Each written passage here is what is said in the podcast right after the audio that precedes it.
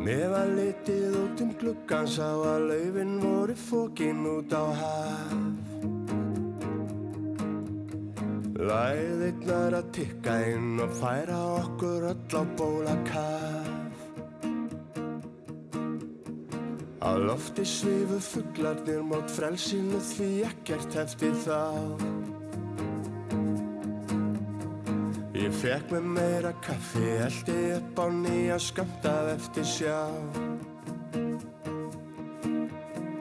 Við ætluðum að hittast næstu, auðvitað fannst hvergi stund í það. Einhvern veginn skorti bæði tilefni og réttan fundast að. Öllum þessum tekni og þetta tíma örðum minningar að bráð. Þær týndust ein og ein og voru hortnar þegar betur var að gá. Það bera sér allir vel og dúti séð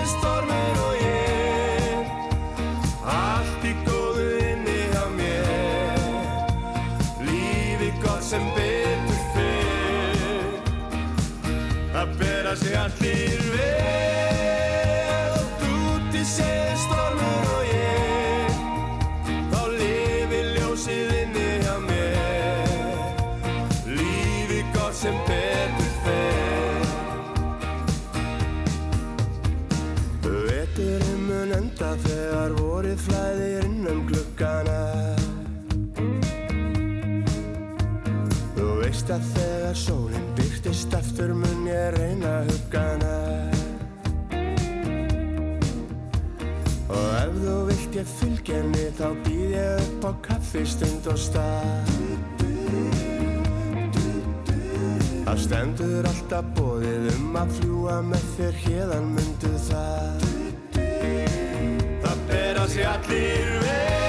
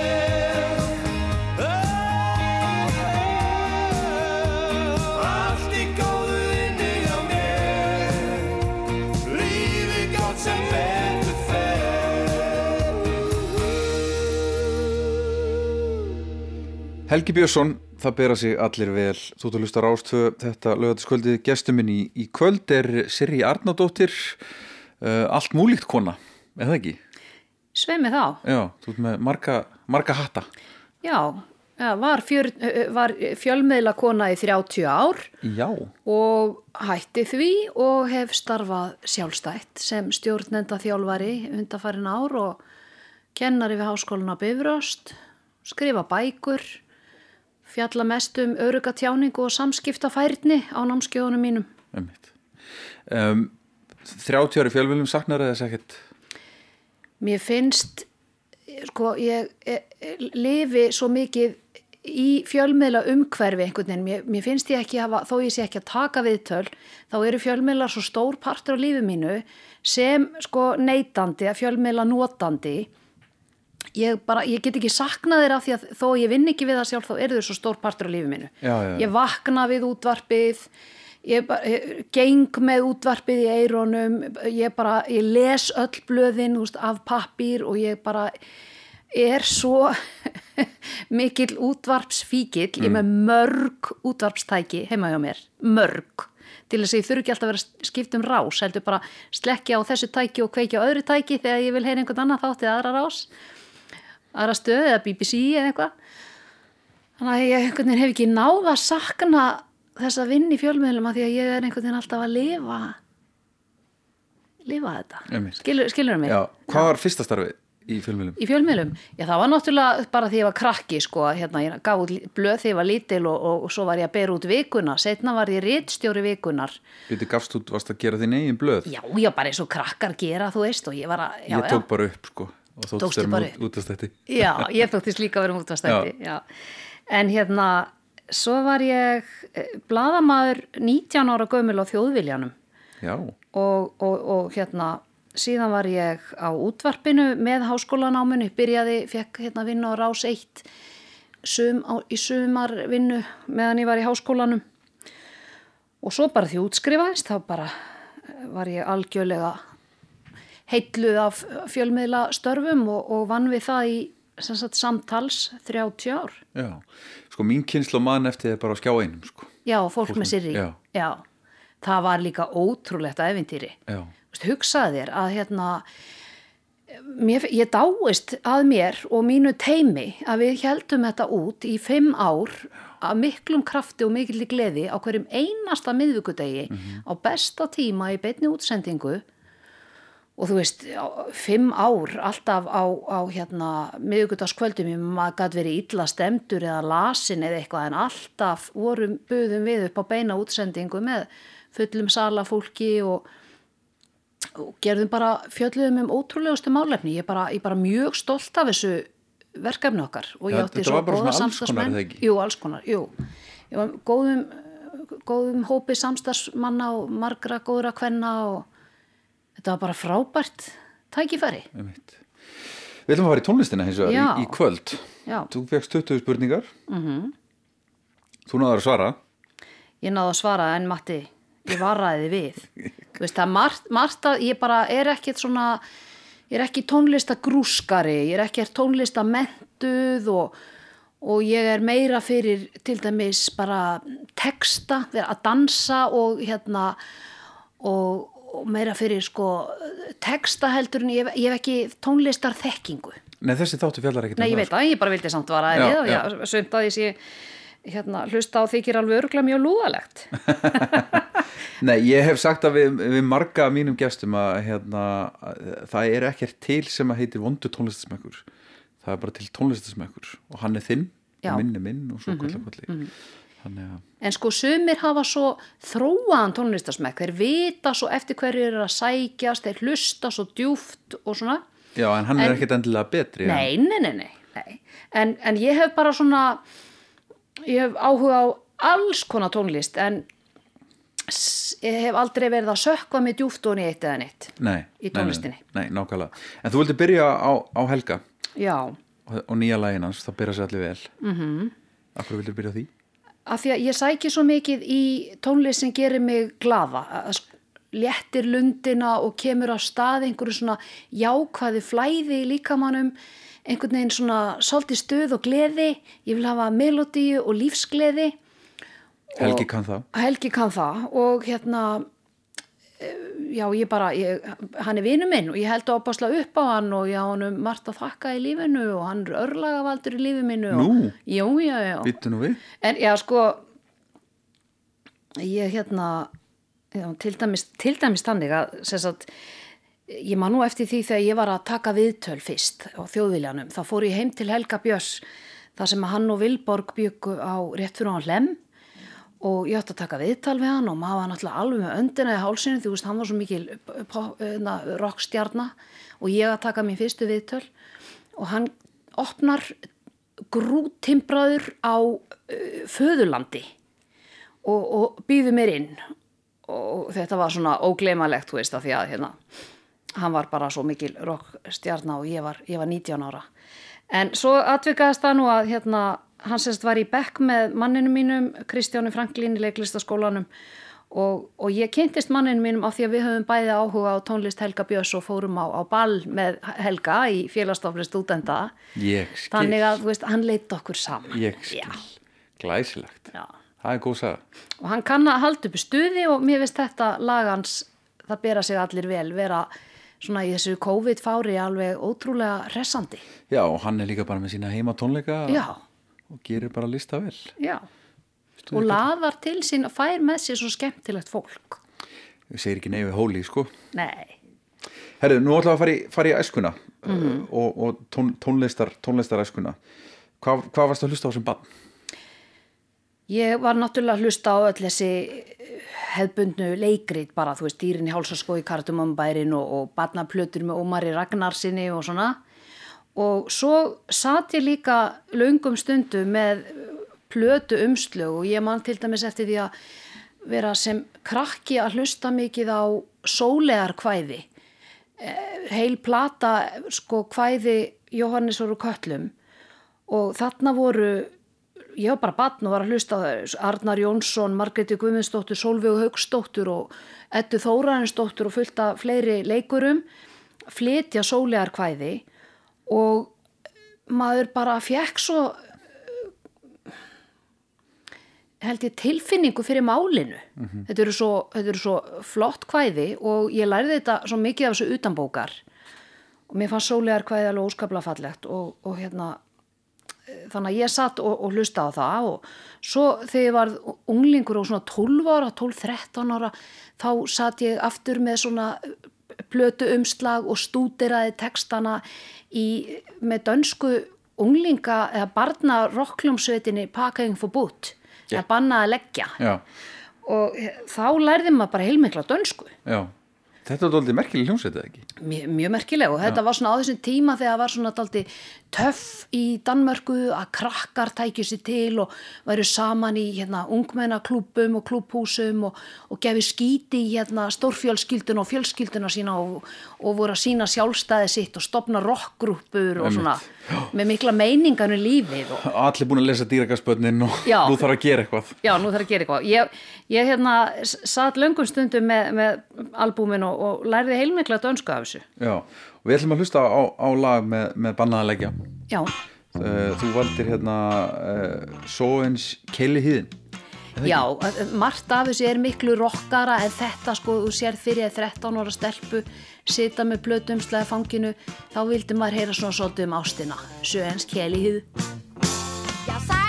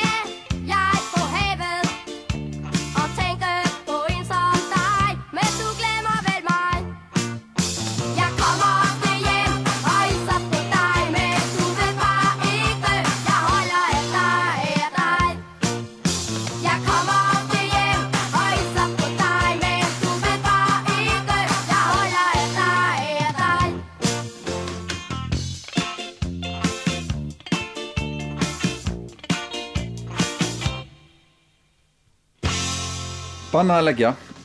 Hvað heita það á dönsku, Siri? Pakking for boot, Yeah, og lagið?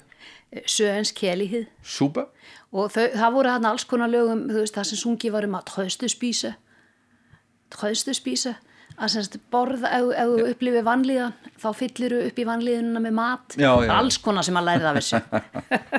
Mjög gott. Fyrstu tónleikarnir?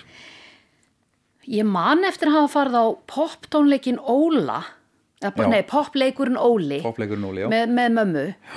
Og ég man að hún setti bómul í eirun á mér af því að þetta var svo opbáslega hátt stilt fyrir sko fimm ára krakka hvað einu var. Hún hefur tekið bómulið með, sko, hún haft vita því. Já, já, já, hún vildi vernda stelpuna og hérna, þetta var mikið upplifelsi, popleikurinn Óli.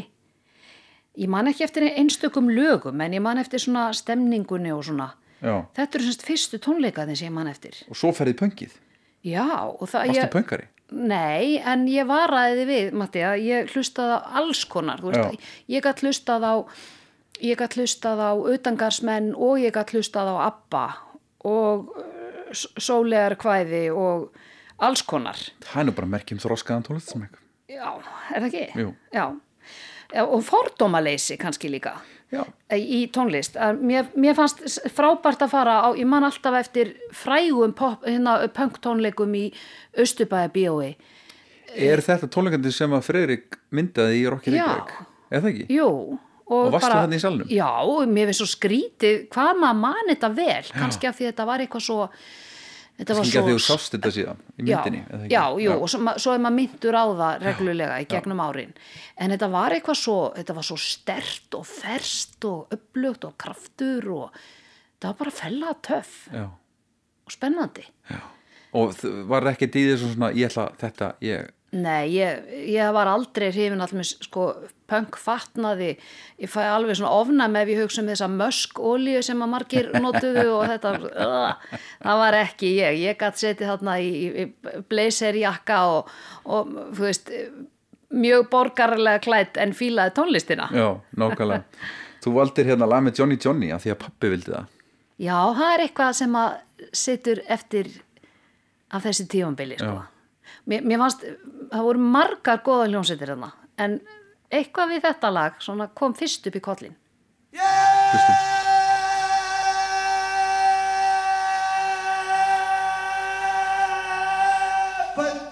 ég að að pappi vildi Ég pappi mári fyrir Að því að pappi vildi Ég fenni Að því að pappi vildi Ég gekk í vatn Að því að pappi vildi það Það sem pappi sagði. Að því að pappi vildi það. Mamma sagði það líka best Því að þannig heldist heimlu sviður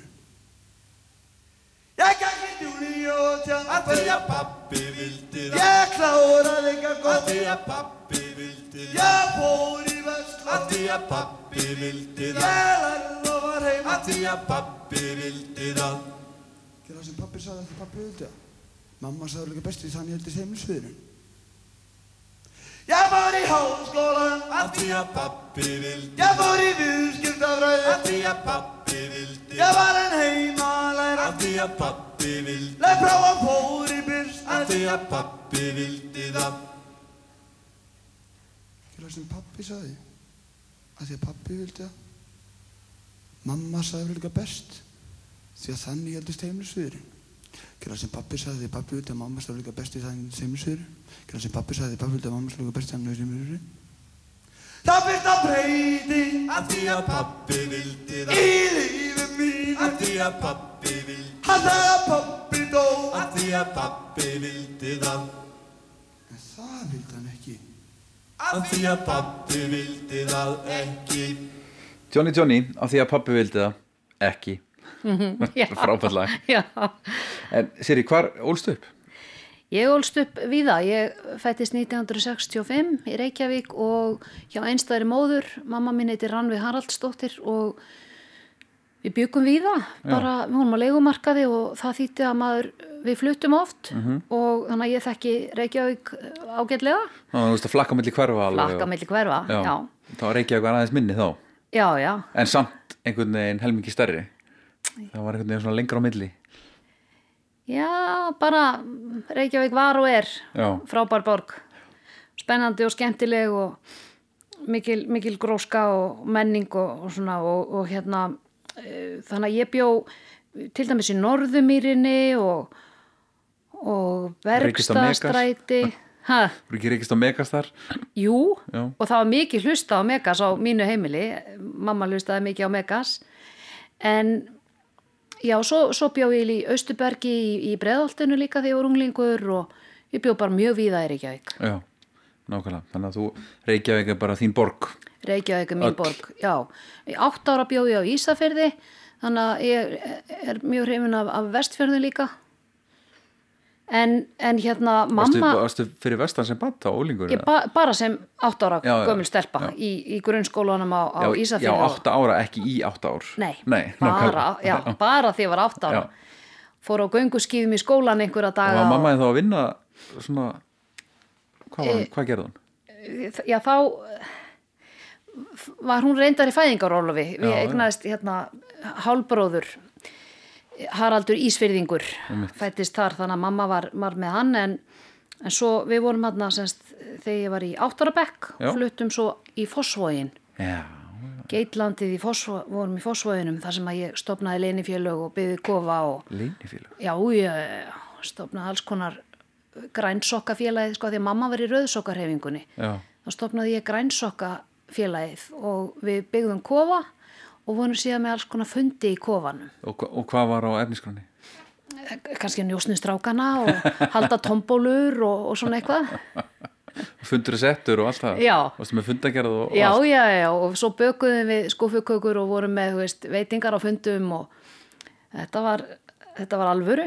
Heyri það. Og mamma hjálpaði okkur þannig að ég leiti sko lampa í gegnum gluggan á, á blokkinu þannig í Geitlandinu og út í kofa. Þannig að við gáttum setið kvöldrökkrinu með köku og, og ramasljós og, og fundið um, um rekkjusvínin í, í, í hverfinu. Já, já, já. sí, síðan hef ég sko skrifað barnabækur um, um tröllastrákin og ein barnabókin er þegar að tröllastrákurinn er alltaf að byggja kofa með sögu vinkonu sinni og þau eru að halda fundi og svona. Og getur ímyndaðir hvaðan svo hugmynd kemur. Nákvæmlega, nákvæmlega. En var mikið tónlist, var mamma hennar hlusta mikið á músík? já, bara svona töluvert sko. Hérna, eh, hún var nú vinkona Andriu Jóns Já. á Rás 2 rock ömmunar miklu og ég, ég reyndar því á runglingur þá var ég að passa fyrir hana Andriu og hana Laufey, dótturinnar.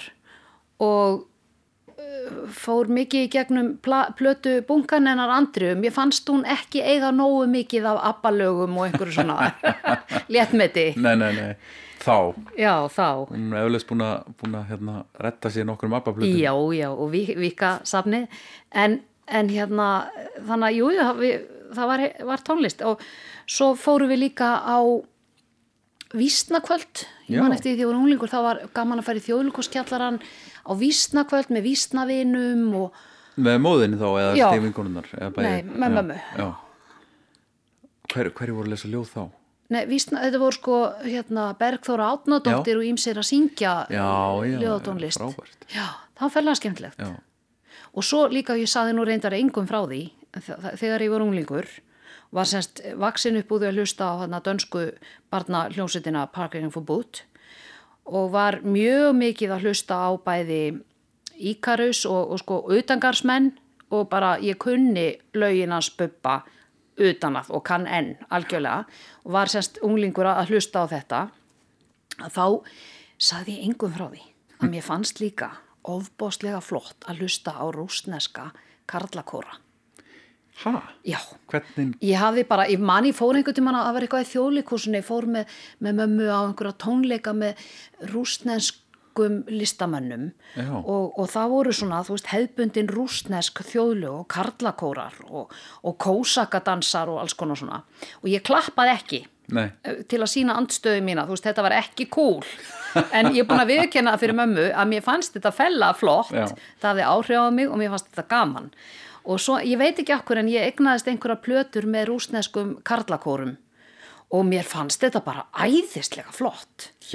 Ás, og þannig að ég hlusta á þetta í einrúmi sko, Já, var já, ekkert að segja vinnum frá þessu en þetta fannst mér æðislega flott. Þessi rúsneska þjóðlaga hefð og balkan tónlist og, og svona.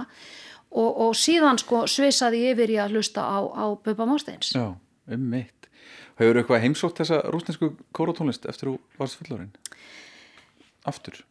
Eh, ekkit, ekkit markvist en Nei. það er alls konar balkantónlist og hérna varsjárbandalagið og allt mögulegt svona sem að hefur einhvern veginn eh, dúkkað upp og, og ég hef fílað En mamma henn hlustaði á hárið já, og þú valdi það. Valdi, já valdir það er einhvern veginn þegar, þegar þú spurði mig sko hvað, hvað foreldra mín hefði hlustað á þá man ég bara eftir, ég man einhvern veginn eftir þessum ég kom mér þetta flott maður kannski inn í herbyggja að leika sér og úr stofunni ómaði hérna tónlistin úr hárinu -hmm. mér fannst þetta flott Og mamma henn yppi. Já, já, hippi svona á, á bestu merkingu þess orðs. Það er bara góð merking. Já, neða, það voru náttúrulega líka til hippa sem að kannski voru ekki alveg, ekki alveg svona með fætunar á jörðinni. En, en hérna, mamma var reglusamur, Reglusamur hippi. reglusamur hippi. Já. Já, Mér finnst það nú bara að vera rós að vera kallaður hippi. Það það veist mér líka. Og svo hérna bróðurinn að mömmu, hann var nú enn meiri hippi, sko. Já. Þröstur Haraldsson og blaðamaður og, og hérna ég manna vinkonu mín að voru að spyrja eitthvað sirri, hva, hvað er að vera hippi? Og þá hugsaði ég um þröst og sagði, jú, það er að vera svona með band á enninu. en það var nú aðeins meira en það. hann var aðeins meira henn. Já. Kemur að hlusta á Aquarius úr, úr hárinu.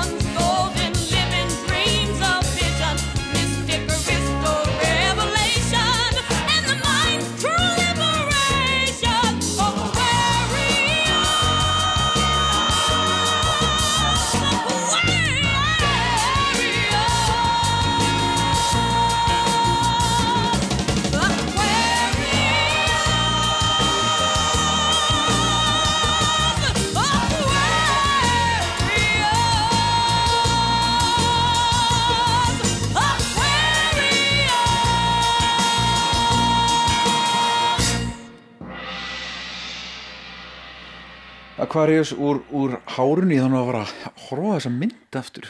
Já, hún var góð, já, einmitt, hvernig skilt hún hafa sko elst? vel held ég sko. Ég held að bóðskapurinn eigi alveg alveg jafn vel við í dag og, og, og þá. En við erum komin að, sakmyndu sælunni sem að hefði geta verið rúsnesk kóratónlist Já, en sem betur fer valdur það ekki því að ég hef aldrei geta fundið hana. Um, Þetta er svona, já, sakbindi sæla ár æsku, þar ferðu í Haug Mortens já, ég, já, ég held að á margra ára tímabili hefði ég nú ekki viðukent það svona fyrir krökkunum í skólanum að mér fannst lögin sem að Sirri amma mín var að hlusta á bara mjög falleg og flott og það var mikið með Hauki Mortens Já. og auðvitað, þú veist, Rás 1 Já. var náttúrulega eina útvarpsstöðin þannig að hún hafði mjög mikil áhrif á mann, þetta síðaðist inn hvort sem mann líka eða betur eða verð og mér fannst mörg lög með Hauki Mortens bara alveg frábær. Til dæmis, já og Borg minn Borg. Til dæmis sko fullt, fullt af lögum með Hauki. Hlustum á Haug Ó borg mín borg, ég lofa ljóst þín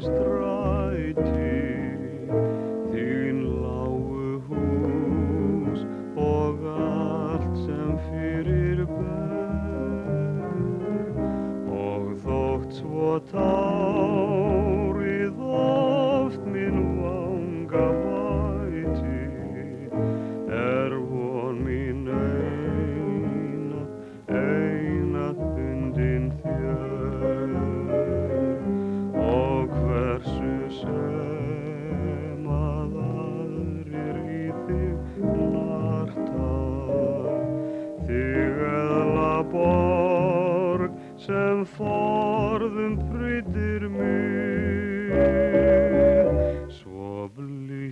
blít, svo blít sem barnsins unga hjarta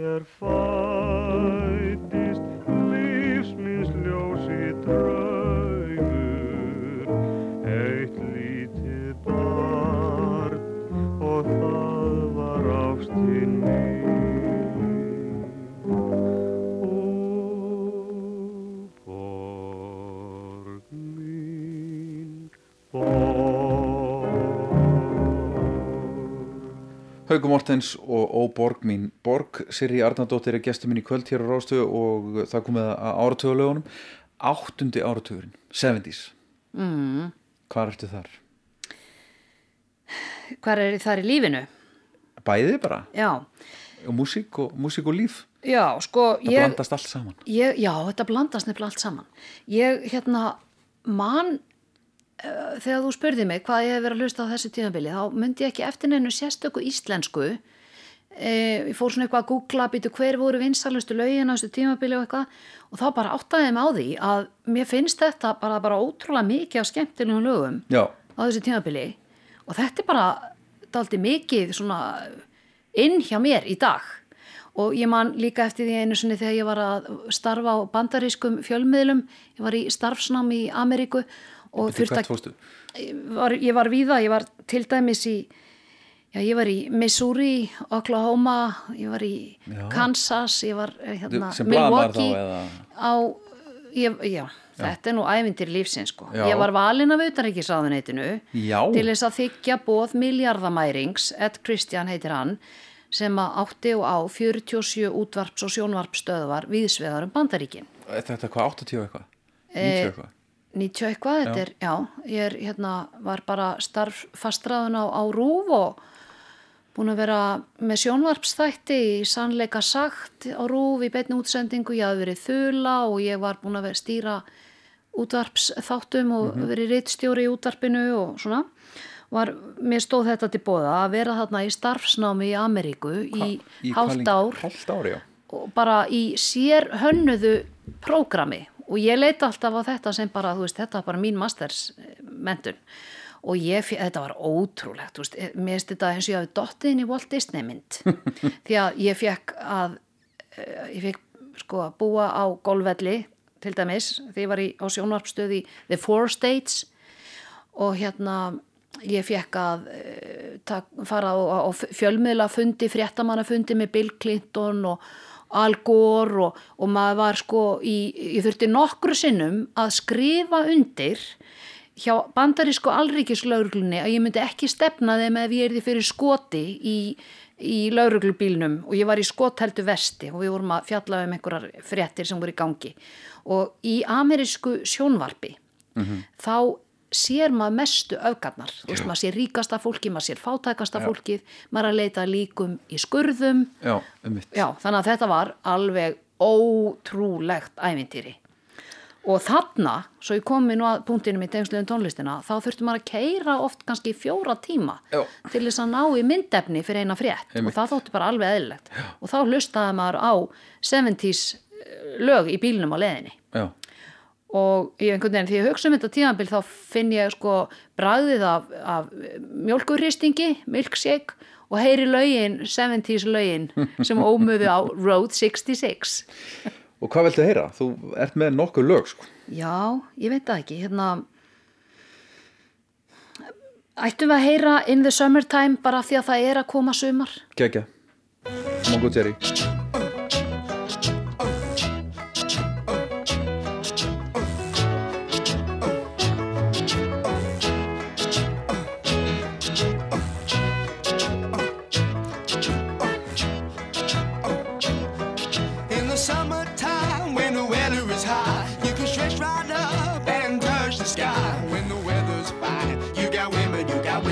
Your mind. Have a drink, have a drive, go out and see what you can find. If a daddy's rich, take her out for a meal. If a daddy's poor, just do what you feel. Speed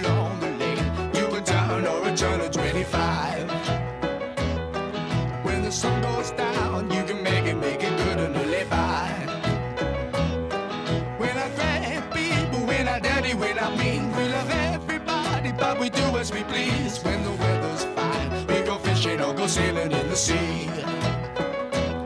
We're always happy, last for living, yeah, that's our philosophy.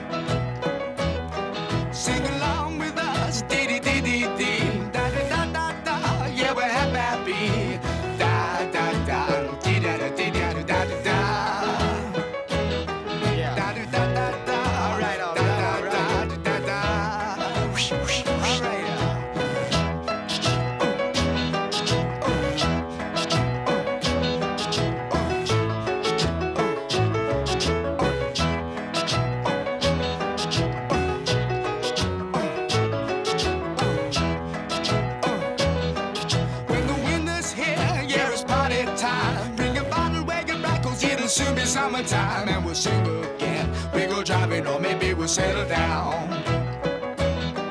If she's rich, if she's nice, bring your friends, and we'll all go into town.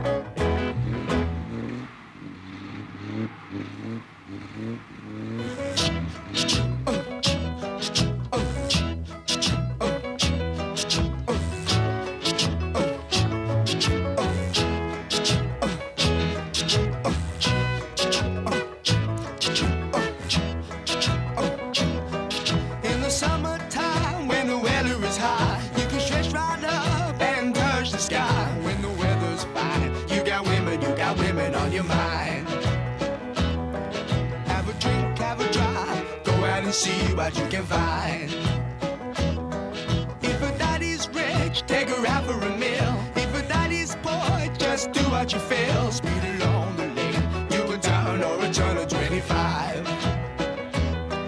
When the sun goes down, you can make it, make it good and live by. When I grab people, when I daddy, when I mean, we love everybody, but we do as we please. When the weather's fine, we go fishing or go sailing in the sea. We're always happy, last we're living, yeah, that's our philosophy.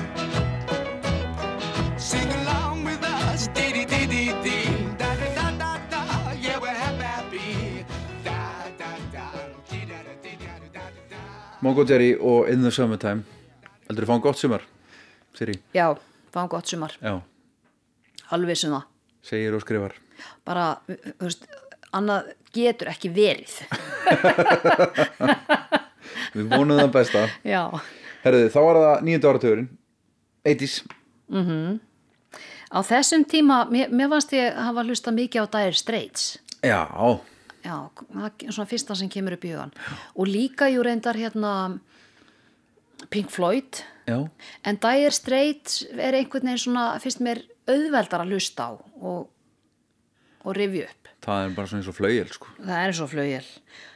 Og þú veist, í- ef, ef þú ætlar að velja eitt lag frá þessum tíðanbili þá myndi ég annarkvort vilja Money for Nothing með Dire Straits eða Dolly Parton 9-5 bara Já. vegna þess að ég líka á því að hérna, maður er að hampa tónlista konum og Dolly Parton er bara alveg stór merkileg.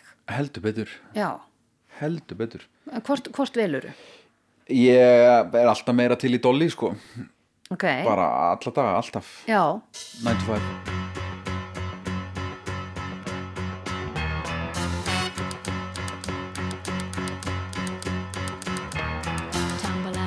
I stumble to the kitchen. Pour myself a cup of ambition and yawn and stretch and try to come to life.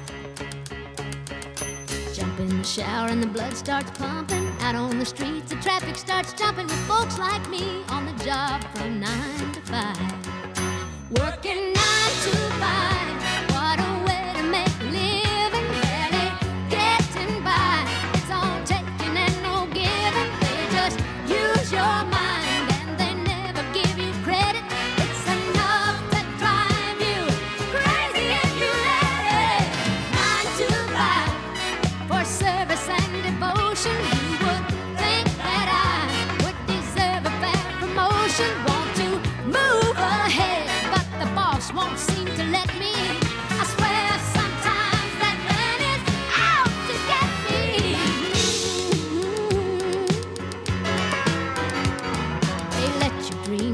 Watch him shatter. You're just a step on the boss man's ladder, but you got dreams he'll never take away in the same boat with a lot of your friends, waiting for the day your ship will come in and the tide's gonna turn and it's all gonna roll your way. Working nine to five,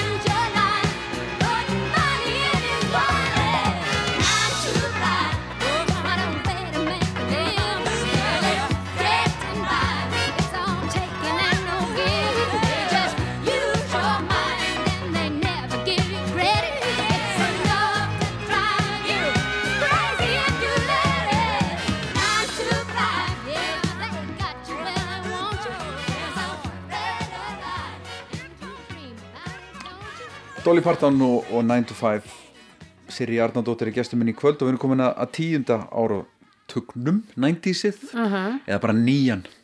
Það er langt best, segja tala bara nýjuna. Eða ekki, 8, 7 Það- 90s, já. hvar fer í Björk. Já og það er bara einhvern veginn, mér fannst hún, mér finnst hún svona svo sterk og einkennandi fyrir íslenska tónlist Já. þegar maður hugsa tilbaka. Betur, ég ætla að giska á að þú hafi lendið því í starfsnámið þínu í bandaríkjunum. Ó Björk, I love her. Já, jú og einmitt af því að ég man til dæmis þegar ég var að vinna á útvarpstöð í Milwaukee, Já. þá voru þar alls konar uh, töffarar og flottir gæjar með útvarpsþætti á, á rockstöð og þeir byrjuðu náttúrulega að tala um Björk. Um leiður heyrðu ég væri frá Íslandi og ég var húst gestur þeirra stundum í viðtölum. Það var náttúrulega auðvelt að retta viðmælanda með því að fá bara sirri frá Íslandi til að koma og tala um Ísland. Og þeir er meitt alltaf veist Björk, Björk, Björk. Og þeim fannst þetta svo merkilegt og þeim fannst hún svo skrítin og þeim fannst hún eins og álfur en samt bara þeir ótakmarkaði virðingu fyrir henni. Já. Þannig að þess vegna langaði mig að, að nefna lögum með Björk en mér finnst sko Glingló platan mér finnst það nú bara eitt svona eh, sem er auðveldast að hlusta á með Björk. Og bara eldist Æðisleg svo ótrúlega vel ótrúlega flott og skemmtileg. Og svo er annað sem er alveg um, virkilega svona ljúft að hlusta á It's Oh So Quiet. Já. þannig að margt annað hefur hún gert sem er miklu dýbra og, og flóknara en það er sumt af því er ómstrýtt einhvern veginn og ekki eins útvarpsvænt finnst mér Hlustum á It's Oh So Quiet It's oh so quiet. Shh, shh. It's oh so still. Shh, shh. You're all alone. Shh, shh. And so peaceful until you fall in love. Sing boom, the sky up above. Sing boom is caving in. Wow, wow! You never been so nuts about a guy you wanna love. You wanna cry, you cross your heart and hope to die till it's over. And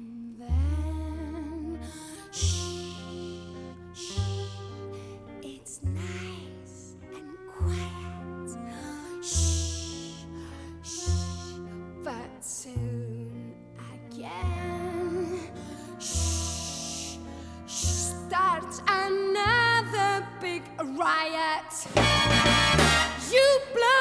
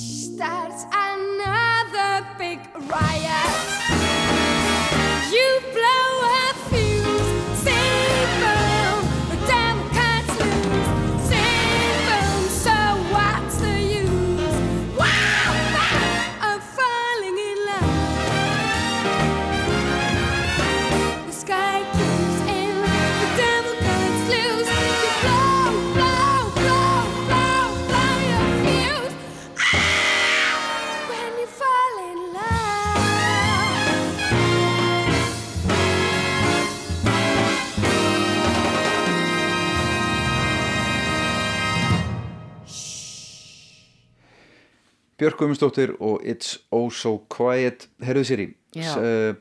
Sá tónlistamæður eða kona sem var til að sjá tónleikum?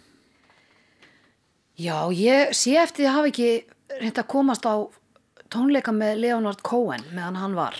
Já, og sérstaklega fór ég að hugsa það þegar ég fór að lusta á lög með honum þegar hann var ungur af því að hann varð svo miklu, miklu betri þegar hann var hann gamall kall að mínum mati. Vákvað mér að röttin hans verða miklu flottari Já. þegar hann var hann gamall kall Já. þá fór ég að fíla hann sko. Þannig að ég hefði, ég myndi vilja eiga minningu um flotta Leonard Cohen tónleika. Já, sammálaði með það. Já. Ótrúlega tónlistamæður En, en svo að því ég er feministi og mér finnst líka að við eigum að muna eftir tónlistarkonunum, ekki síður, að hérna, ég á eftir að fara á tónleika með Emilionu Torrini er að og hún er nú sprellifandi og Já, enn að skapa á fullu og á eftir að gera fullt að góðum hlutum. Þannig að það er draumur sem getur ræst Já, og kannski bara hæglega. mjög fljótlega, vonandi. já, ferðu mikið á tónleika? Nei, ekki, ekkit, um þessa myndir er maður náttúrulega alltaf bara á tónleikum minni stofu, sko. Já, einmitt Já, heima hjá Helga. Jungle Drum með Emilinu Torrini valdiru Já.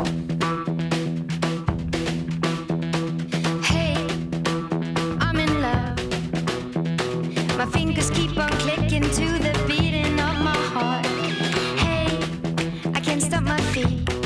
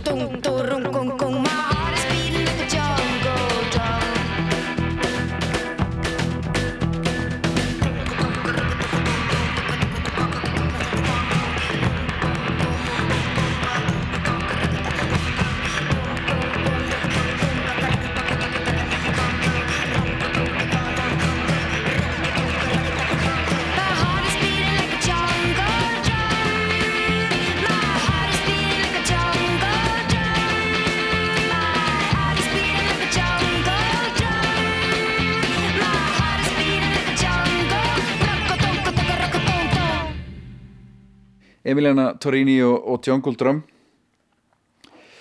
Platið sem fara aldrei leið á sér í. Ég bara fæ ekki leið á. Kim Larsen. Nei, Punktur bara. já, Og ég ætla bara að viðurkenna það hér að maður nú, er ekki lögadaskvöld og svona maður ekki verða svolítið meir og jú. Já. Eina skiptið sem ég hef grátið og ég er að tala um að hágráta af sorg þegar einhver tónlistamæður dó, það var þegar Kim Larsen dó. Og yngri sonum minn kom inn í stofu og ég bara sitt þarna og ég græt og græt og græt og hann bara, mamma, hvað kom fyrir? Ég akkur að gráta.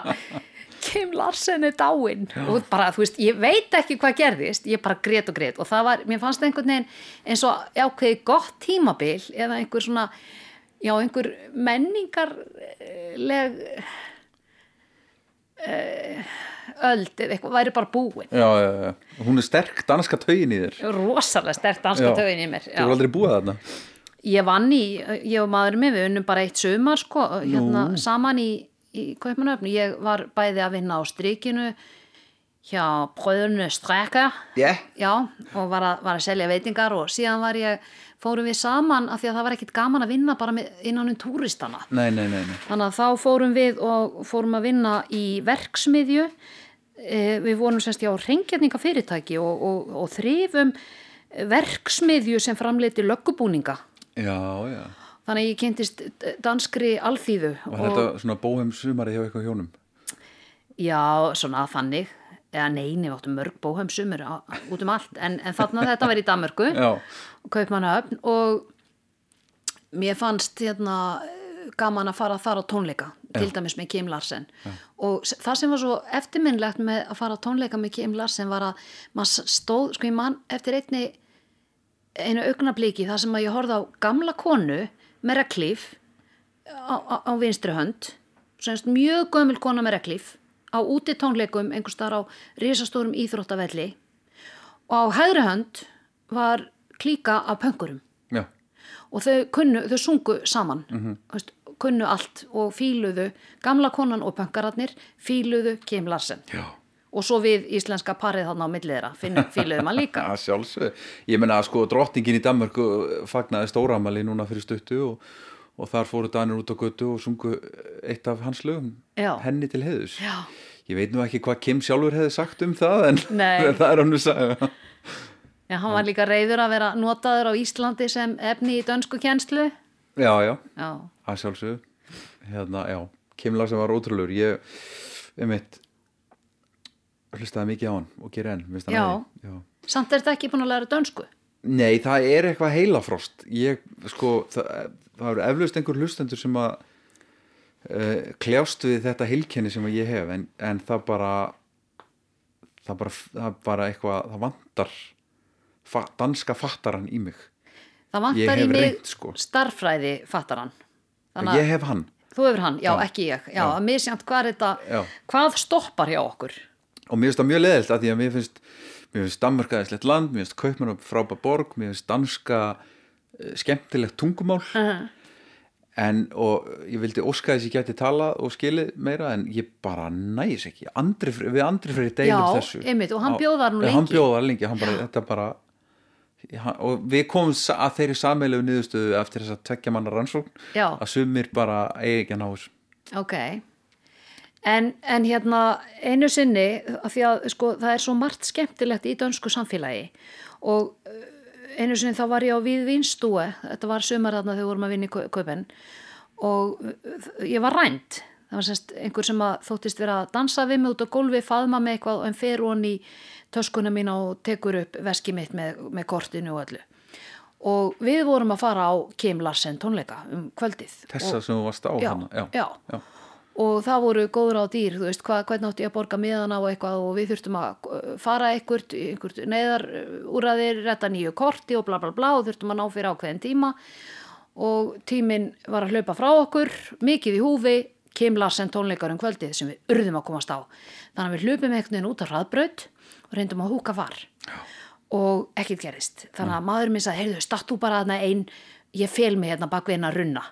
og þetta var, þú veist, eins og í grínmynd. Ég stóð ein, ung, ljósærð stúlka, um, hárið flaksandi og hann bak við runna í felum, kemur ekki rauður sportbíl og svona einhver gæi eins og uh, úr, úr hérna amerískri frasa kvikmynd eitthvað. Á rauða sportbílnum og hann bara snarhemlar hleypið mér uppi og ég kalla Kristján, hann kemur undan runnanum hlaupandi. Og maðurinn á sport, sportbílnum keirir okkur, þannig að við Já. gætu náði nýtt vísakort og farið á Kim Larsen tónleika. Hlustum á Kim Larsen og Nostalgi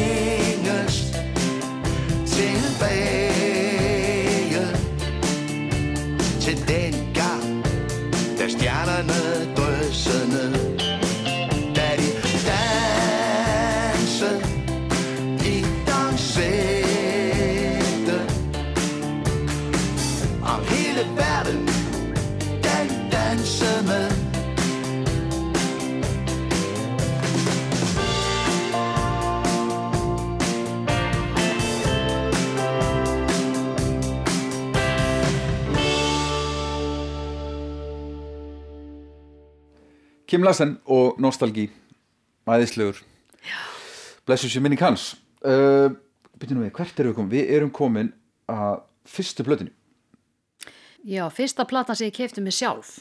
Það voru fyrirmælum frá þér. Já, Ég nefnilega man mjög vel eftir því. Ég var eh, maður var náttúrulega að byrja út blöð og, og eitthvað svona til að eiga pening og hvað varst að byrja út? ég var að byrja út vikuna til áskrifenda sem að ég síðan, svo varði ég rittstjóri vikuna setna svona er lífið. En ég man eftir því að hérna, ég notaði einhverja peninga sem ég á búin að safna mér til að fara á, í blötubúð og kaupa mér mína fyrstu blötu með Pétri Kristjánsinni Var þetta ákveðið, ég er að fara að kaupa þessa blöðu já, og hlakka til alveg og stúdera þú veist, hvaða blöta að ég kaupa og mér fannst þetta svo frábært að að eiga pening og geta keift mér plötu með Pétri Kristjánsinni hann var alveg sko megatöff fannst manni. Og það var hljónstinn Paradís. Og svo sko þessi plata hún nánast hún var nánast í jetin upp til lagna undir nálinni, hérna, spiluð upp til lagna Al- ég fór í gegnum að eiginlega. Og það var, við vinkonundna vorum alltaf heima semst að æfa dans. Þá var ég í Fossvoskóla og við vorum alltaf að spila þarna Jenny Darling og, og Superman Pétri Kristjánssoni og æfðum dans heima í stofu hjá mér sem að þið bjöggu til í kringum þessu já, lög þá já. já. og síndum síðan á sal í Fossvoskóla Já. sætlar minningar já, mjög gott og mannstæna dans heldur þú getið dansaðan?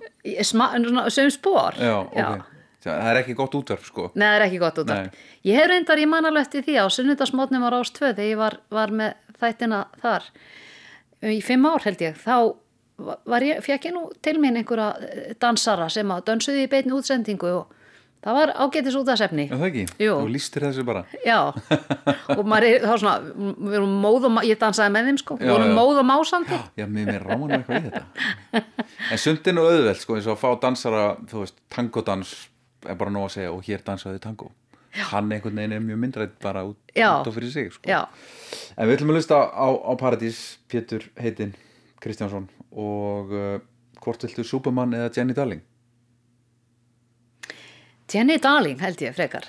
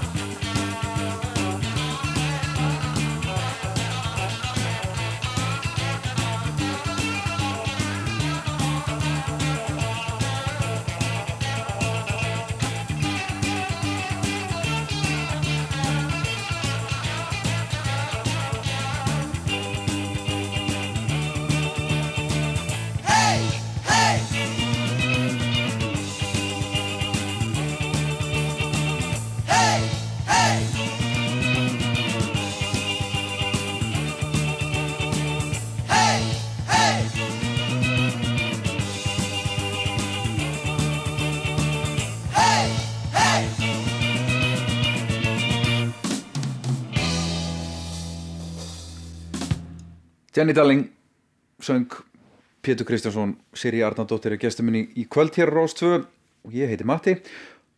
Og við erum komin að kveikmyndatónlistinni Siri, Já, ég, kveikmynda, kveikmyndalögin já, já, það er bara nærtakast að nefna lögin úr Lalalandi Já. vegna þess að, að það er svo oft sem að ég er heima hjá mér að elda.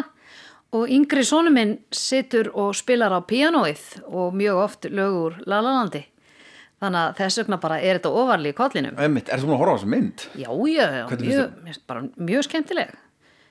Sæt og, og skemmtileg og, og hérna uppáðsatriði náttúrulega æðislegt, flott klift og svona. Já. Eða ekki klift, þar að segja. Já, nákvæmlega En já, þannig að Lalaland er bara svona nærtækast, mér finnst það sætt og skemmtilegt, bæði mynd og, og tónlist og eitthvað svona sem að tengist daglega lífinu mínu. Nákvæmlega, ef ekki bara hlusta á uh, Another Day in the Sun Já, uppáfsatriði.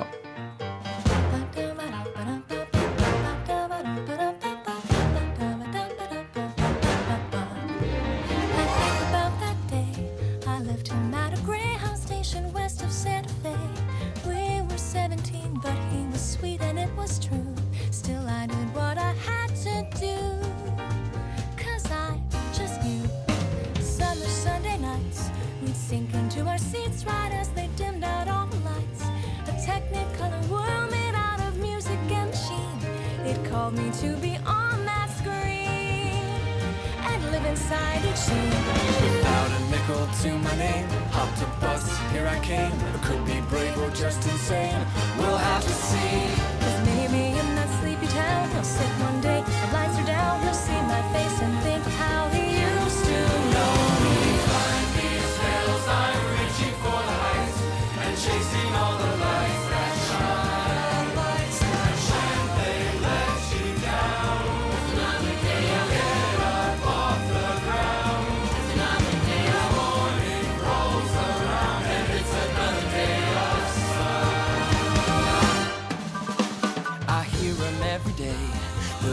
rhythms in the canyons that'll never fade away.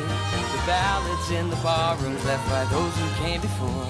They say we gotta want it more.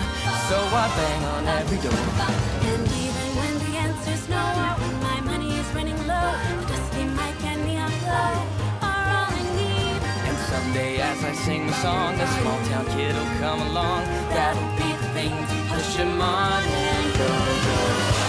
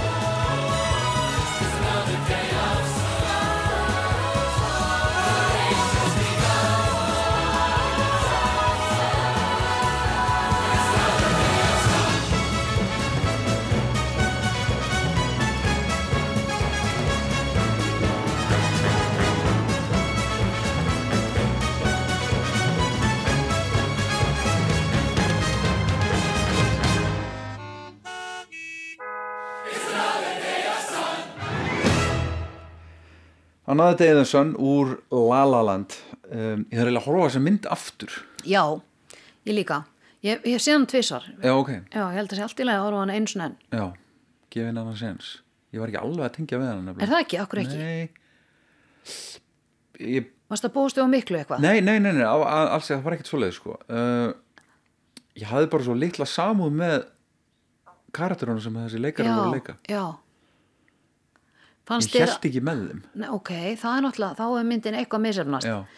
En fannst þér það vera af því að þau voru of upptekin á karri, karriérnum og letu ástina mæta afgangi? nei, ég, þú veist ég bara, ég man ekki alveg nákvæmlega hvað það var, það var eitthvað svona að maður þarf að halda með fólkinu sko. Já, það ekki, maður þarf að einhvern veginn. Ég held með þeim en mér fannst samt svo leðilegt að þau náðu ekki saman vegna sem ég veist bara lífið stundum svo erfitt og sorglegt að það er eiginlega ekki pláss fyrir myndir þar sem er ekki happy end. En mér fannst það einmitt það góða við hann sko. Já, er það? Já Mér fannst það, það var flott sko Já. Eh, En mér fannst hún alls ekki sko lélega eða leðileg sko svo, og mjög flott sko mér fannst nú litrík og ljúf. Já. Algjörlega Herðu, uh, lagið sem að fekk að taka upp gítarinn Já, sko ég lærði á ramaksgítar í gítarskóla Ólafs Gauks. Já, og þá átti ég heim í Norðumýrinni og, þurfti bara að labba hann í einhverja tvær mínútur til að komast þarna í gítarskóla Ólafs Gauks. Og bara, ég bara skal viðkynna það, ég æfði mig lítið. Mér fannst þetta leðilegt ég spilaðirðu ekki við mikið? þetta, spilaði lítið. Spilaði æfði mig lítið. Já. Tengdist lítið þessum, þessum hérna, kennslu aðferðum að maður svona pluggaði sig inn einhvern veginn og var svo einn í sínum heimi í einhverjum, einhverju herbergi og með nokkurum öðrum nefendum samt einhvern veginn vorum við all einn þó við værum saman og þetta bara gerði ekkert fyrir mig. Og ég var bara ekkert góður gítarnefandi og þetta tók ekki mjög langan tíma í lífi mínu. Svo bara lagði ég gítarnum en það var hann vist eitthvað gallaður líka þessi gítar sem mér hafði áskotnast. En ég var miklu meira fyrir það bara að dansa. Ég var hvað sem er alltaf að dansa. Já, það var mín listræna útrás og síðan að vera í myndlistaskóla. Ég var árum saman og reynda frá því á fimm ára. Þar til ég byrjaði mentaskóla var ég mjög mikið í myndlistaskóla Reykjavíkur, eða bara Já. reglulega þannig að ég teiknaði og tók það fram yfir gítarinn. Og kannti eitthvað á gítar? Nei, nei, ég æfði mig svo lítið. En við ætlum að spila eitthvað lag. Já, ég, bara á þessum tíma þegar að, sagt, ég hefði átt að vera að æfa mig á gítarinn, þá man ég að ég var, mér varst ég e, daldi mikið vera að hlusta á Thank you for the music með ABBA. Já, og ekki það að það tengist þessu misefna gítarnámi mínu neitt nema bara að þetta var á sama tímabili þess vegna valdi ég Thank you for the music með ABBA I'm nothing special. In fact, I'm a bit of a bore. If I tell a joke, you've probably heard it before. But I have a talent, a wonderful thing. Cause everyone listens when I start to sing. I'm so grateful and proud. All I want is to sing it out loud. So I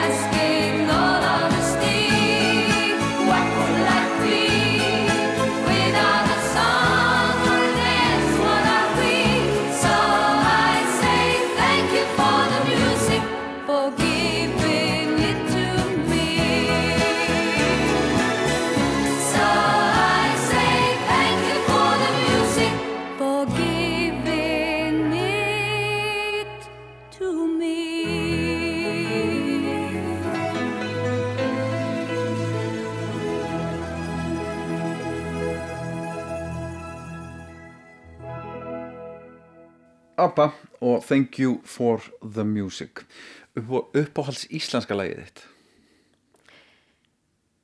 S- segðu mér, hefur einhver í þessum þáttum geta valið Nei. eitt lag? Nei. nei, nei.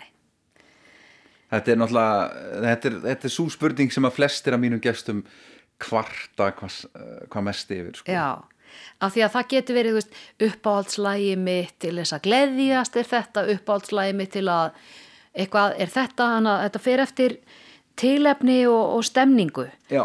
En samt komið þrjú lög upp í hugan, hana, og ég get ekki gert upp á millið þeirra, en það er Bubbi Mortens og Huldu Þula. Mhm. Það er bara einhvern veginn, þú veist, vorið kemur bara, þó ég myndi hlusta á þetta lag á miðnætti í janúar í kavald spil þá upplifi ég vor í sálinni því ég hlusta á huldu þulu með bubba og mér finnst ég vera hjóla í þingoltónum í glappandi sólskinni alltaf þegar ég hlusta á þetta lag, ég veit ekki ekkur og hérna þetta er svona eitt af mínum upp á alls og síðan hérna Kossarón Vara. Það er líka bubbi, garðastrætið og snjókorn að falla og svona. Ég finn alveg, þú veist, bræðið á snjókornanum á tungunni því ég hlusta á þetta lag. Og finn kuldan og, og rómatíkina í loftinu og stjörnubjartan heiminn og svona en svo finnst mér ennþá flottara að sko tónlistin hans er svo stór hluti af þjóðinni að það er orðið svo gaman að heyra aðra syngja lögin hans bubba líka eins og Sigriður Tólasíus er ekki Sigurður Guðmundsson þegar þau syngja saman Kossarón Vara. Það er í miklu uppáhaldi á mér, mér finnst það rosalega romantíst og síðan ég er komin heim mér finnst það bara, þú veist, það er náttúrulega bara okkar þjóðsöngur. Og mér finnst það líka einhvern veginn svona þetta var skólalag eh, mannsins minns í leiklistaskólanum þannig að ég man að við vorum stundum að hlusta á þetta henni eitthvað í gamla dag og mér finnst eitthvað svona romantist í þetta. En Sigurður Guðmundsson, mér finnst hann syngja ég er komin heim, alveg snildarlega vel. Þannig að ég er komin heim, Kossaran Vara og Huldu Þula. Þetta voru uppáhalds lögin mín sem að kom upp í kollin þegar að ég settist niður og hugsaði spurningar matta Þú er að velja eitt sko. Við getum ekki spilað öll í einu sko. Oh. ok, þá er þetta bara spurning hvernig stöðu er ég í núna? Og ég held sveimi þá af því að það er komið sumar þá ætla ég að fá að velja hulduþölu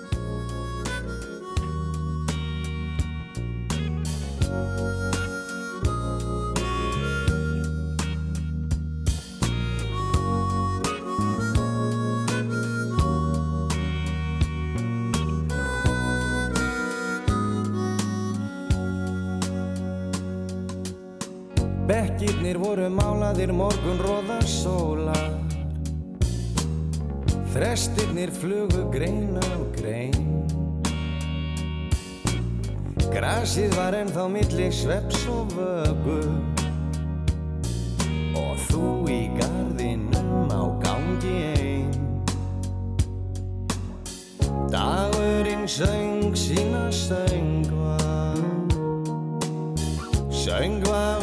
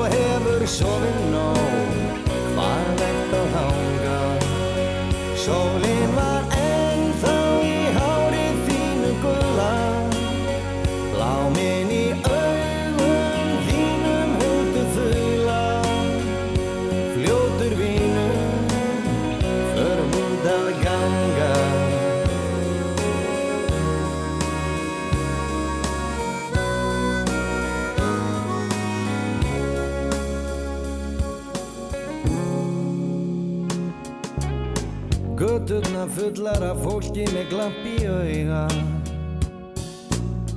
Östustræti fekk erlendan hrein. Kaffihúsin full af hamingju og hlátri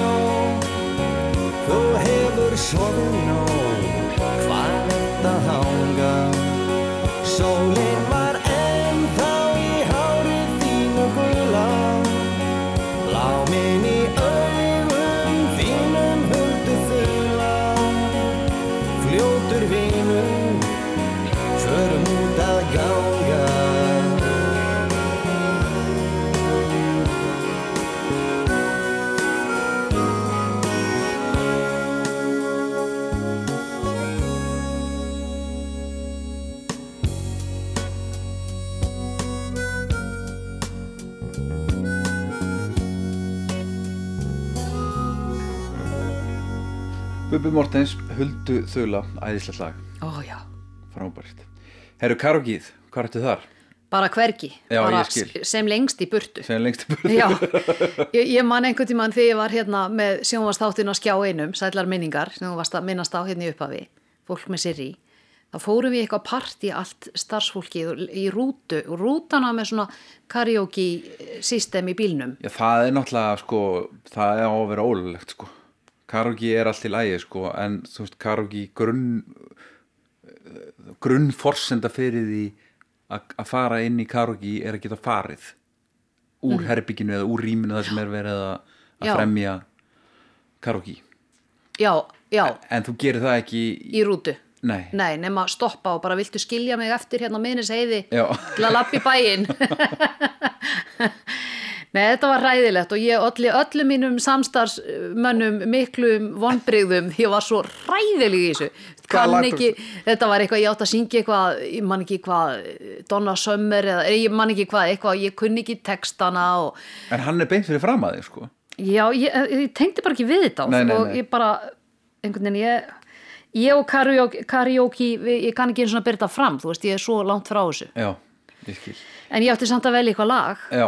Já, Þannig ef, ef þú erið tilneitt já, í rútuna aftur, já, þá myndi ég bara taka eitthvað sem er svona, veist, sigursætt, einfaldur texti, ljóska í bleiku, Sugar Town með Nancy Sinatra.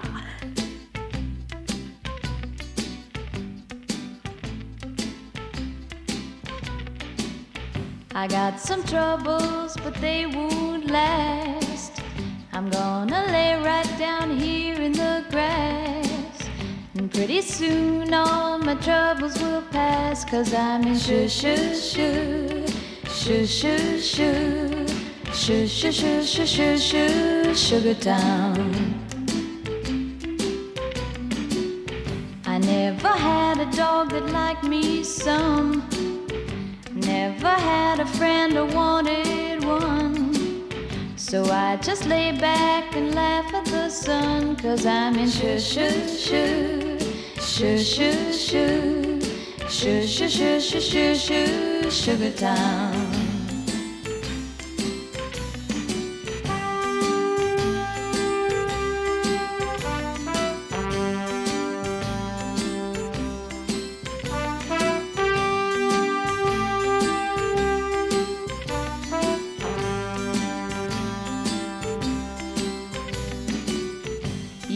Yesterday it rained in Tennessee. I heard it also rained in Tallahassee. But not a drop fell on little old me, cause I was in shoo shoo shoo, shoo shoo shoo, shoo shoo shoo shoo shoo shoo, Sugar Town.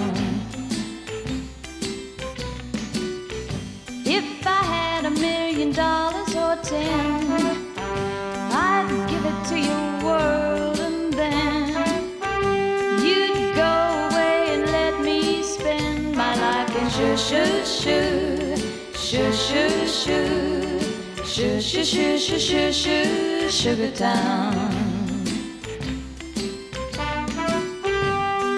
la la la la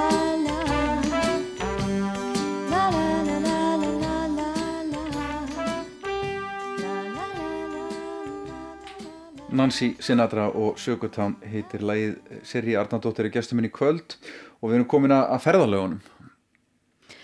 Já, þegar að ég er ein á ferð að keira á bifröst, það sem að ég hef verið að kenna í, held ég, 12 ár, Já, reyndar ekki alveg reglulega því að þetta eru lótur, þannig að maður er stundum að ná stundum ekki. hvað er, er þetta að kenna þarna? Ég kenni framsækni öruga tjáningu Já, og svo kenni ég fjölmiðla færni. já, já, já þú nú verið með einhver hópa upp á rúf. Já, fólk hefur komið til þín, þeim. já, og slóst í gegn Mattias, skal ég segja þér, þeim fannst þú algjörlega fram úr skarandi góður. Já, þakka þér fyrir. Bara gleðið mig að fá að segja það við því loftinu. En, en hérna þegar að ég verið að keira á bifröst að þá finnst mér það mikla gæðastundir að sita í bílnum með einhverja geisladiska og bara geta einbett mér að hlusta og kyn- kynna mér einhverja tónlist á leiðinni. Hátt, já. Já, og þú veist það er enginn sem trubla mann í klukkutíma og 20 myndur með því að ég er að keira þarna. Þetta eru bara dásamlegar gæðastundir. Og ég gerði svona tilraun einu sinni. Þá var ég að hlusta á Gissur Pál Gissurásson, óperusöngvara og Lífskúnsner og Sjarmatröll. Og það er eitt lag hérna á, á diski sem að ég var þá að stúdra sem að hérna heitir Ég kvísla nafn þitt. Og ég leik mér af því að gera svona tilraun. Að því ég fekk á ákveðnum tímapunkti í læginu þá fekk ég alltaf gæsa húð og ég var að prófa hvað skildi ég þurfa að spila lægið oft til að hætta að fá gæsa húð og það verður ekki ennþá gerst? Það er ekki ennþá gerst, ég fæ ennþá gæsa húð á ákveðnum hápunkti í læginu þegar Gissur Páll eh, syngur ég kvísla nafn þitt. Við skulum næla okkur í þessi gæsahúð. Enn eina ferðina. Ég kvísla nafn þitt þegar nóttin fellur á Svo nætur húmið feli mína sáru þrá.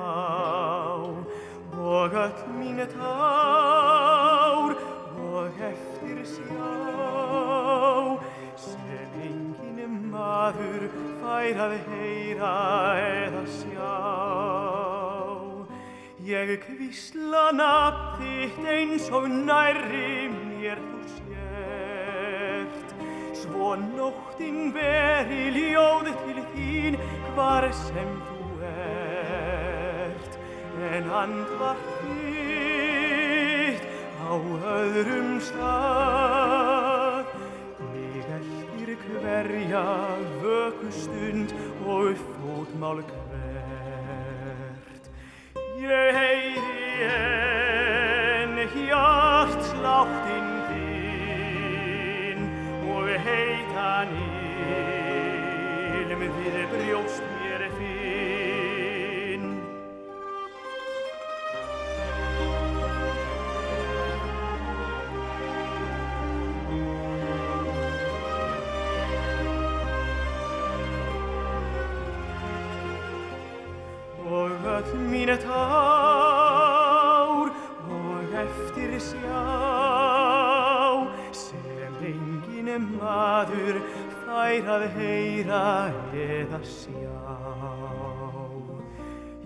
Ég hvísla nafn þitt eins og nærri mér þú sést, svo nóttin veri ljóð til þín hvar sem þú ert, en andvar þitt á öðrum stað. Mig eftir hverja vökkustund og fótmál hvert.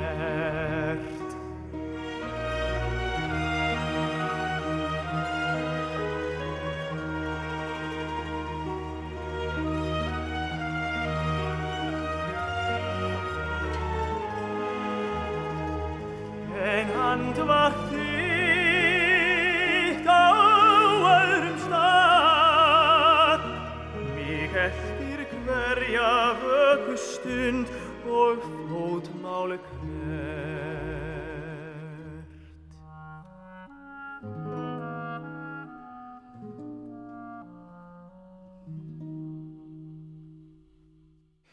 Gísur Páll og ég kvísla nafn þitt.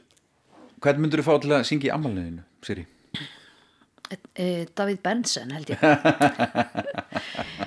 Ég vann með honum á, á útarpinu og hann alltaf með æðislega flotta tónlist en hérna rosalega flottu tónlistamæður og skemmtilegur og, og auðvitað væri gaman að fá hann. En ég, þegar ég held mikið stóra veistlu í stóramæli það var því að ég var 50 og ég er 54 ári í dag og þá voru sætabörustrengir þeir Gissur Páll og Bergþór Pálsson og, og þeir allir, þeir tróðu upp með frábæra dagskrá í Já. ammælinu mínu og það var alveg, ég mæli með því ef fólk vil sko hafa flott ammæli með geggjum listamannum sem að geta verið bæðið þú veist, algjörklassi og rosalega léttir og skemmtilegir þá eru það hérna, sætabörustrengir Já. en, en svo ætlaði ég líka að fá Helga Björns og hann var til að syngja í þessu 50 samæli mínu en var þá stattur í Asíu, gott ef ekki á Bali eða eitthvað og við komumst að því að það væri nú ekki vænlegt til árangus að vera að syngja í gegnum yfir netið sko, í gegnum netið.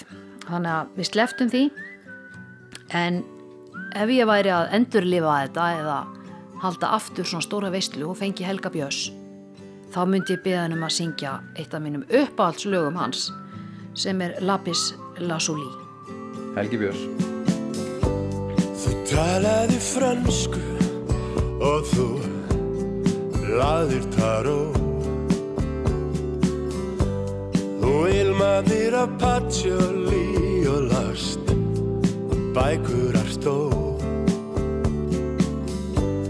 Miðjarðar för og lapis lazuli Hann er andi visku þinnar og sannleika. Og opnar fyrir draumana.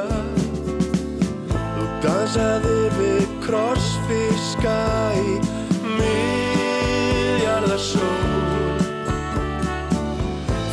Þú dansaðir á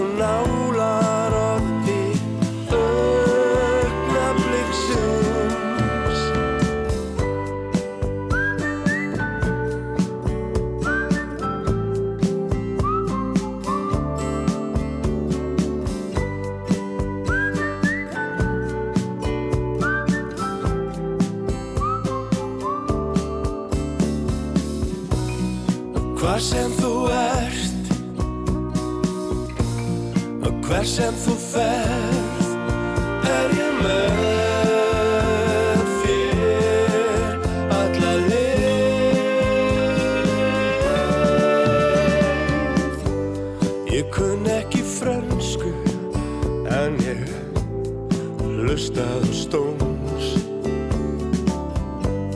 Ég teldi við smisló og ég lekmól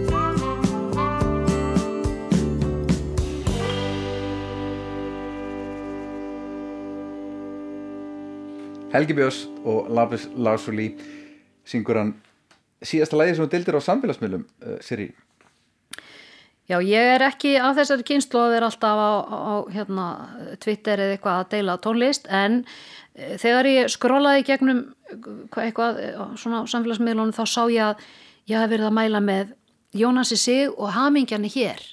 Og það held ég að sé vegna þess að maður er að leita að einhverju svona léttu og hressandi einhverju sem að gefur okkur bjartsinni, kjark, gleði, kraft á þessum tímum. Þetta er, er frábært lag af Jónasi og, og, og hérna, mjög, mjög góður texti Hmm. og hérna og þarfur sérstaklega núna á þessum, þessum tímum Já, og bara alltaf held ég. Já, heldur betur Jónasi, hamingjarni hér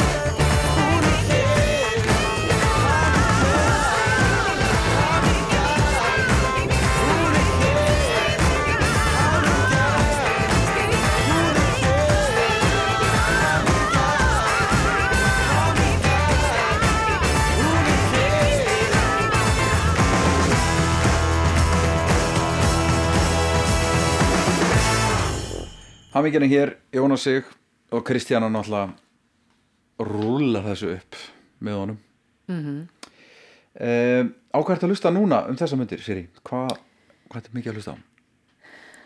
Ég er náttúrulega að hlusta bara mest á útvarpið. Já. Ég hlusta mest á talað orð. Já. Það er nú bara þannig. En svo er, mér, það er hérna, vorið kemur. Mér finnst það að vera svona lag sem að er líka að blása okkur baráttu anda og bjart síni í brjóst. Og ímsir hafa tekið vorið kemur á mjög skemmtilegan máta núna.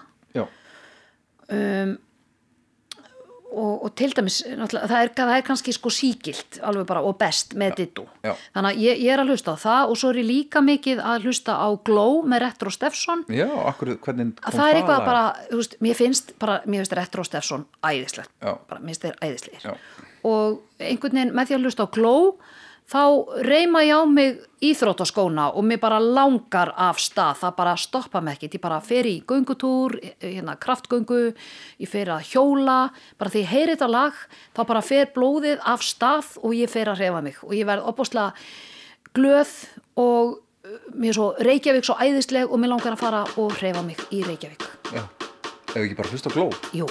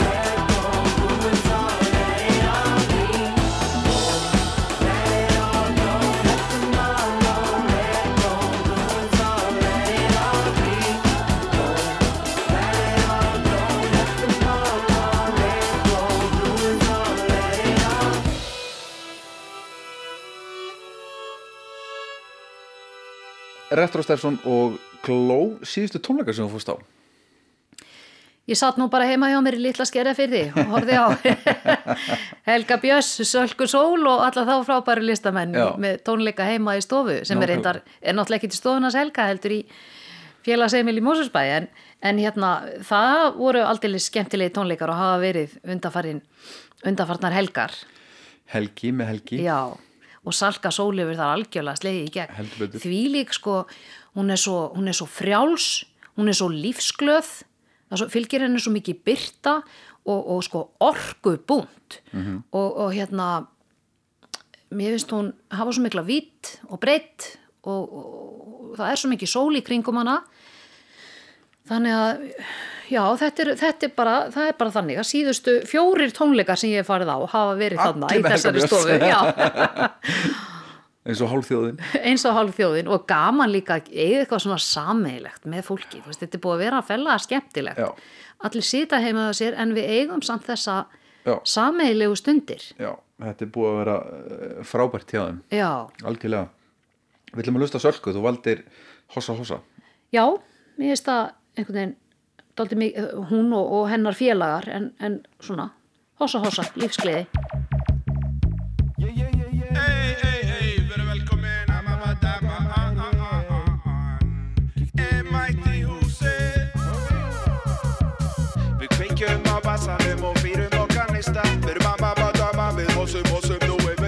og Kom ykkur öll fyrir saman því enginn er út undan Þegar kemur að okkur, já mamma, dama, við rúlum þessi upp, ég vil sjá tungu gossa í kroppum, ásta blossa, allir saman hossa, hossa. Hossa, hossa. Láta allt gossa, rista bossa, ég vil sjá tungu gossa í kroppum, ásta blossa, allir saman hossa, hossa. Hossa, hossa. Dansgólfi sjóðandi heitt og fólki laðrandi sveitt. Við dansum óáreitt og hugsum ekki um neitt nema hvort annað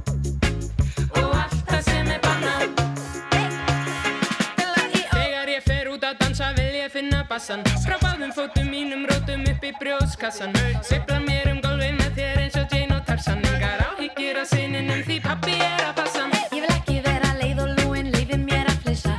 Finna bassan, bánsa ekki, hámsa bassan. Hrista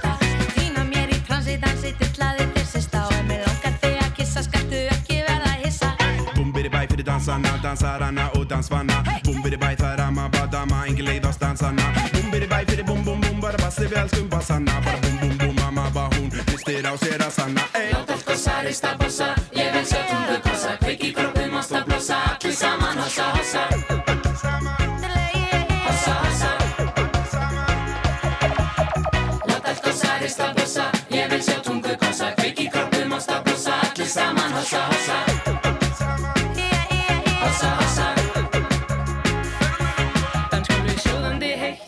og fólki laðrandi sveitt Við dansum óáreitt og hugsum ekki um neitt nema hvort annað.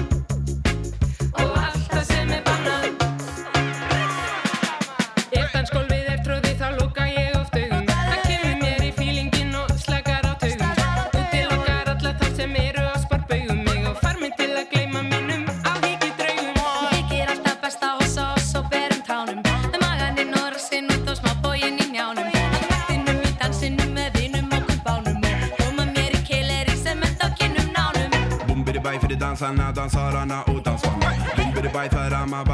triangulate oss. I'm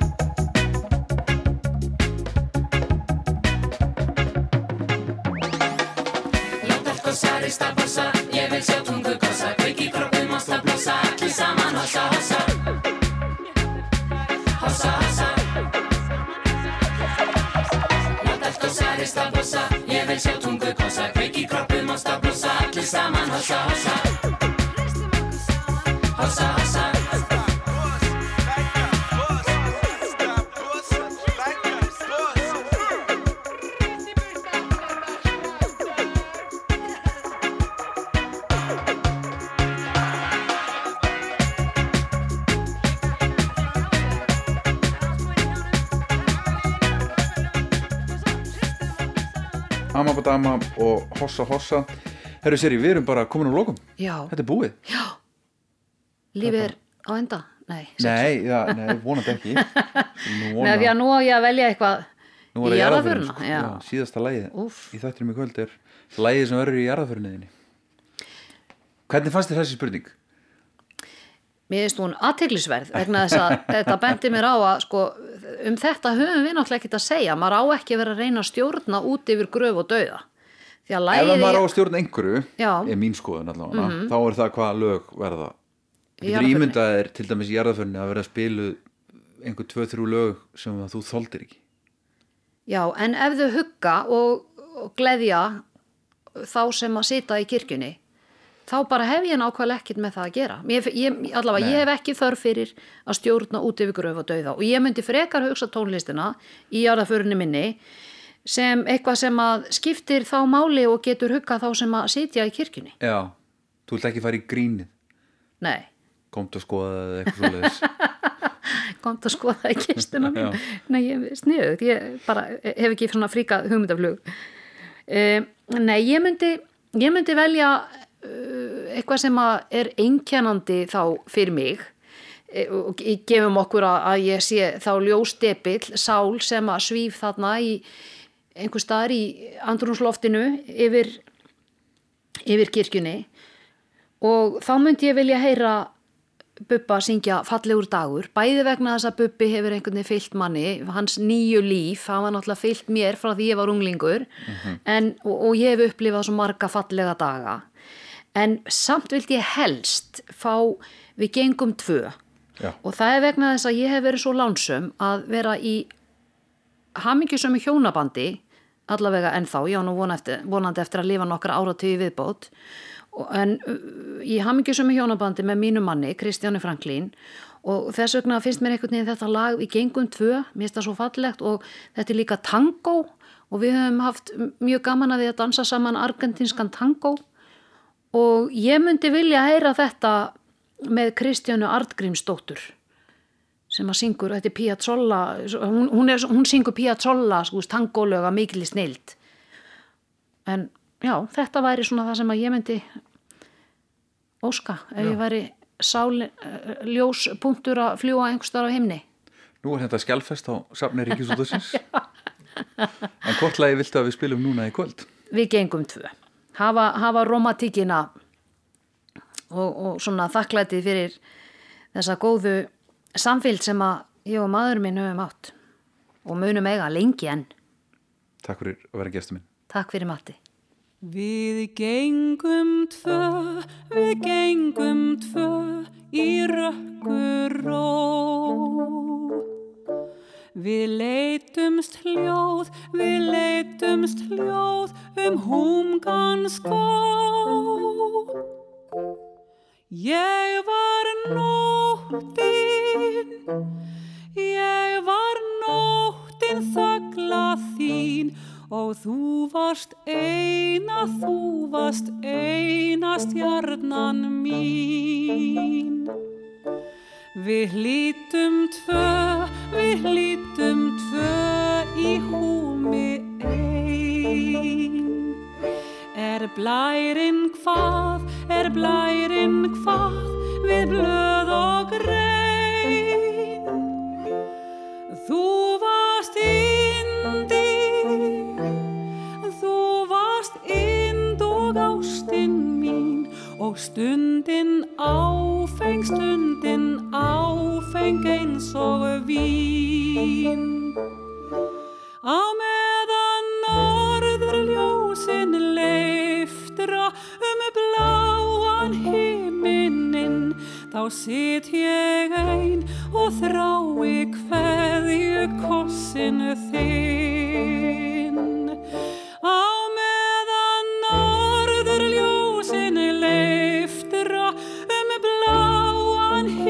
minnin þá sitt ég einn og þrái hverju kossinu þinn